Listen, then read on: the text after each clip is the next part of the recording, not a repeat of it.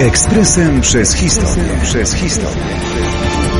25 marca 1649 roku u Dominikanów w Lublinie został sporządzony dokument urzędowy podpisany przez wszystkich członków magistratu i przedniejszych obywateli opisujący cudowne ocalenie miasta przed najazdem Bogdana Chmielnickiego w roku 1648. Relikwie Krzyża Świętego były i są obiektem szczególnego kultu chrześcijan na całym świecie. W Lublinie znajdowała się jedna z największych relikwii Krzyża Świętego. Za największy cud za ich przyczyną uważane jest ocalenie miasta w roku 1648. Bieg XVII był szczególnie burzliwy w dziejach I Rzeczpospolitej. Na ziemię polskie najeżdżały obce wojska, kozackie, moskiewskie, szwedzkie i siedmiogrodzkie. Tragiczny los spotkał większość miast i wsi, a wśród nich Lublin. W roku 1648 miastu groziła inwazja wojsk Bogdana Chmielnickiego. Oddziały kozacko-tatarskie pustoszyły wschodnie rubieże kraju. Po zdobyciu twierdzy Lwów i oblężeniu Zamościa, Lublin znalazł się w niebezpieczeństwie. Mieszkańców ogarnęła panika, wręcz histeria. Wielu z nich opuściło miasto, wyjechały prawie wszystkie zakony. Zamknięto trybunał i inne sądy. Nieprzygotowany do obrony Lublin czekał na apokalipsę.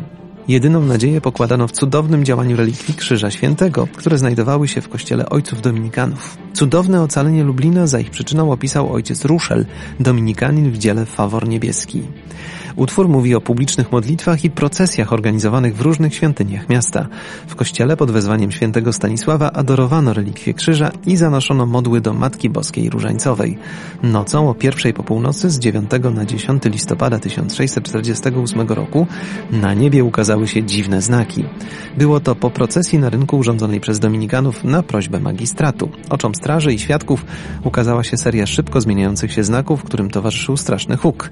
Były to jasność, pręga ognista, miecz z głowicą i krzyżem obracający się w kierunku od Lublina do Zamościa, strzała ognista i bicz.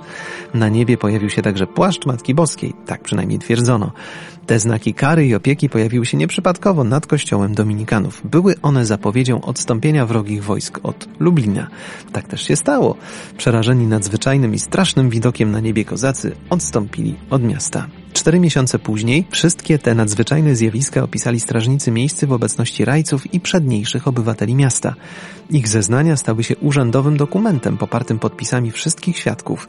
Obraz ilustrujący niezwykłe wydarzenia roku 1648 znajduje się w jednej z kaplic lubelskiej świątyni Dominikanów.